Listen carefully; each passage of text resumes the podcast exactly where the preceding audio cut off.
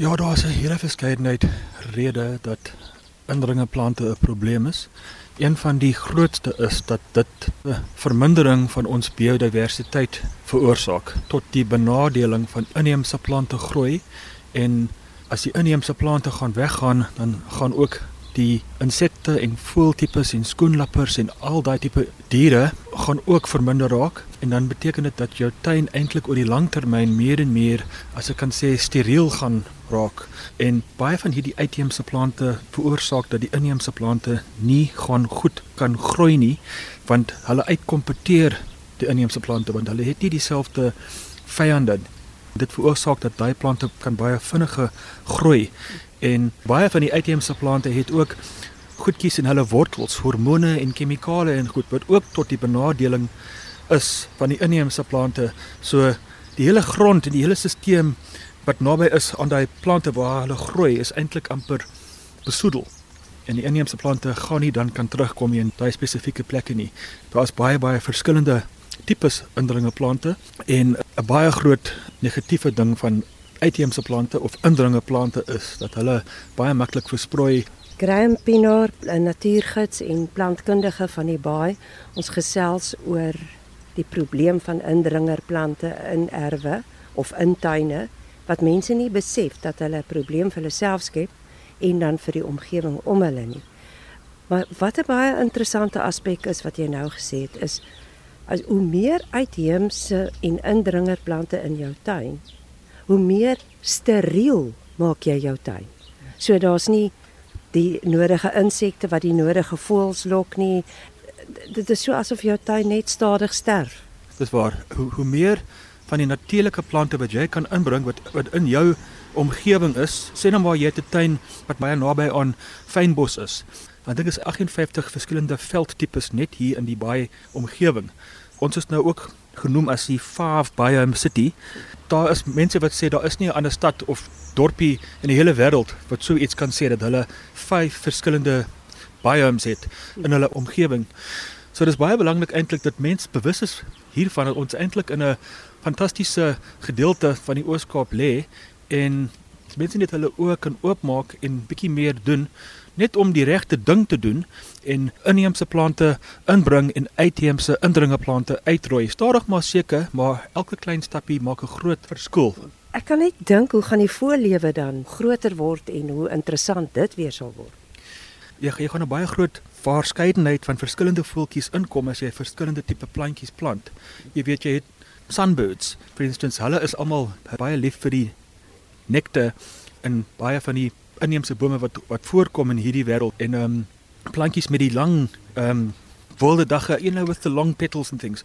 Those sorts of plants bring in nectar feeding birds as well as insect eating birds. Ja, die sunbird waarvan jy gepraat het is die suikerbekkie, nê? Suikerbekkie. Maar nou kom ons ons kan want ek kan sien jy is baie passievol oor die onderwerp en dis een van die dinge wat jy nou doen hier in Nelson Mandela Bay en seker omstreke is jy besoek tuine en jy sê vir mense Man, jy het hierdie nou in jou tuin, hierdie plante is indringer, hierdie plante is inheems en miskien, wie weet, vorentoe gaan jy nog vir mense sê plant hierdie plante in jou tuin om die soort voëls te lok. Maar ons is nou hier in 'n baie baie toegewyde tuin hier hier in Richmond Hill in die Baai se tuin.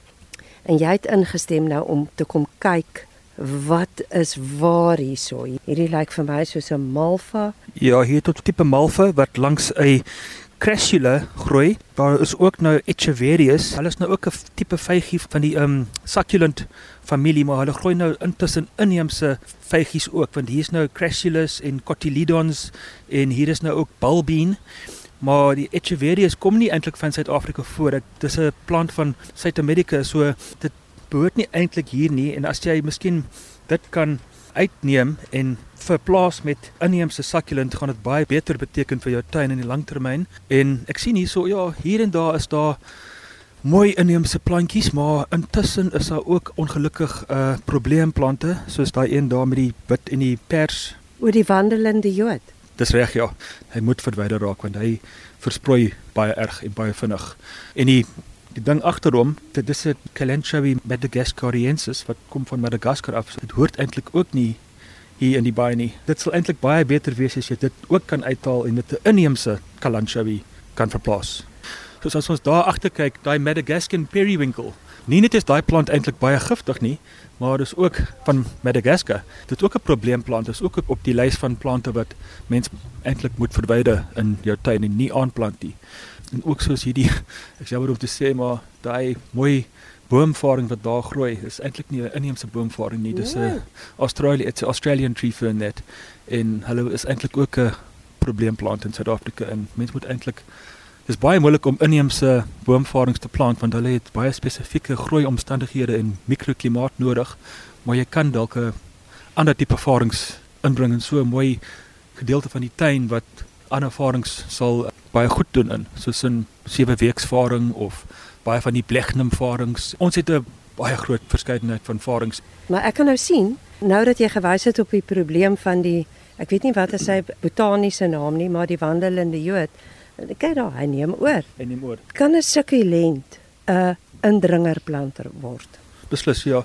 Dit is dieselfde as baie van die ander indringers, hulle kan ook dieselfde nadelende impak hê op tuin of as hulle nou gaan in die in die natuurlike omgewing inkom. Dan dink ek aan die Mother of Million. En baie mense dink is inheems want hy lyk baie soos die werklike inheemse vetplant. Ja, dit is 'n baie groot probleem. Jy weet, hy groei so maklik. Jy kan hom sommer net wegbreek en hy sal maar op enige plekkie begin weer groei. Dis hoekom hulle hom noem Mother of Millions want hy versprei net so baie baie vinnig en daai plant is ook besig om in baie van ons natuurreservate hier in die Oos-Kaap ook 'n groot impak te hê. As hy eers nou begin vat het, is dit 'n verskriklike moeilike ding om te verwyder en soos baie van die uitheemse cactuses en plante wat nie eintlik hier voorkom, soos die prickly pear for, for instance, die opuntias. Dis die Turksvy. Turksvy. Dit is 'n baie groot probleem. Nou behalwe in 'n plek soos Arrow Elephant National Park waar die olifante dit nou gaan opeet, maar mense het nou nie olifante in jou tuin nie, so Kom kyk net hier. Hier is met die persblommetjies is plumbago, né? Dis reg ja. En hierdie is 'n pragtige plantjie wat inheems is en hy behoort hierso en hy gaan beslis insekte en voëls in jou tuin inbring en hy is eintlik ook 'n baie remediator Hy help om die omgewing te herstel. Dis reg ja. Hy neem eintlik baie slegte chemikale en goede of slegte oxides of ions of ehm um, Ja. ja, hy kan dit opneem veral nou in plekke waar dit 'n probleem is. En dit eetbare blomme ook vir 'n mens. Jy moet net versigtig wees as jy die blomme wil eet want dit moet net nie wees in 'n besoedelde gebied wees nie want hy sal al daai toksins ingeneem het en dan gaan daai blomme ook miskien giftig wees. En daaronder net agter die heining daar is daar 'n een van die noemnoems en daar's vier verskillende noemnoems in Suid-Afrika wat van ek dink 2 of 3 in ons omgewing voorkom. En dis nou 'n karisse. Maak ook 'n pragtige wit blommetjie wat baie baie mooi ruik en dan ook 'n groot rooi vruggie wat eetbaar is en baie baie lekker proe. Ek het hom ook al geëet. Kom ons gaan dit reën. Ek kan nie glo dit reën hierso, maar dit is so styf reën hierso. So hoop maar dit reën in ons opvangsgebiede. Ek wil nou net hier vir jou vra, Graham, in jou tuinplantinspeksies wat jy doen. Wat is die mees algemene eh, kom ons sê nou maar die foutiewe plant wat mense in hulle tuine sit? Eerlik te wees, die grootste probleemplante wat ek al gekry het, is meestal nou van die plekke op die westelike kante van die baai waar ek nou my ehm um, inspeksies gaan doen het, is eintlik boomtipes en dis ons grootste indringers in die omgewing en probleemplante van Australië af, soos die acacias en dan ook die agave plante van Mexico en a lot of the cactus familieplante in daai omgewing. Maar dit hang af nou waar jy gaan inspekteer. Ek is seker in tuine en goed soos in hier in Richmond Hill gaan dit beslis baie van die plante wat ons wat ons sien hierso, soos hy Nephrolepsis farinki en daai wandering dew en mother of millions in Madagascar periwinkle gaan beslis hoog op die lys wees, maar daar's nog 'n hele klop wat mense nie bewus is dat dit 'n probleemplant is.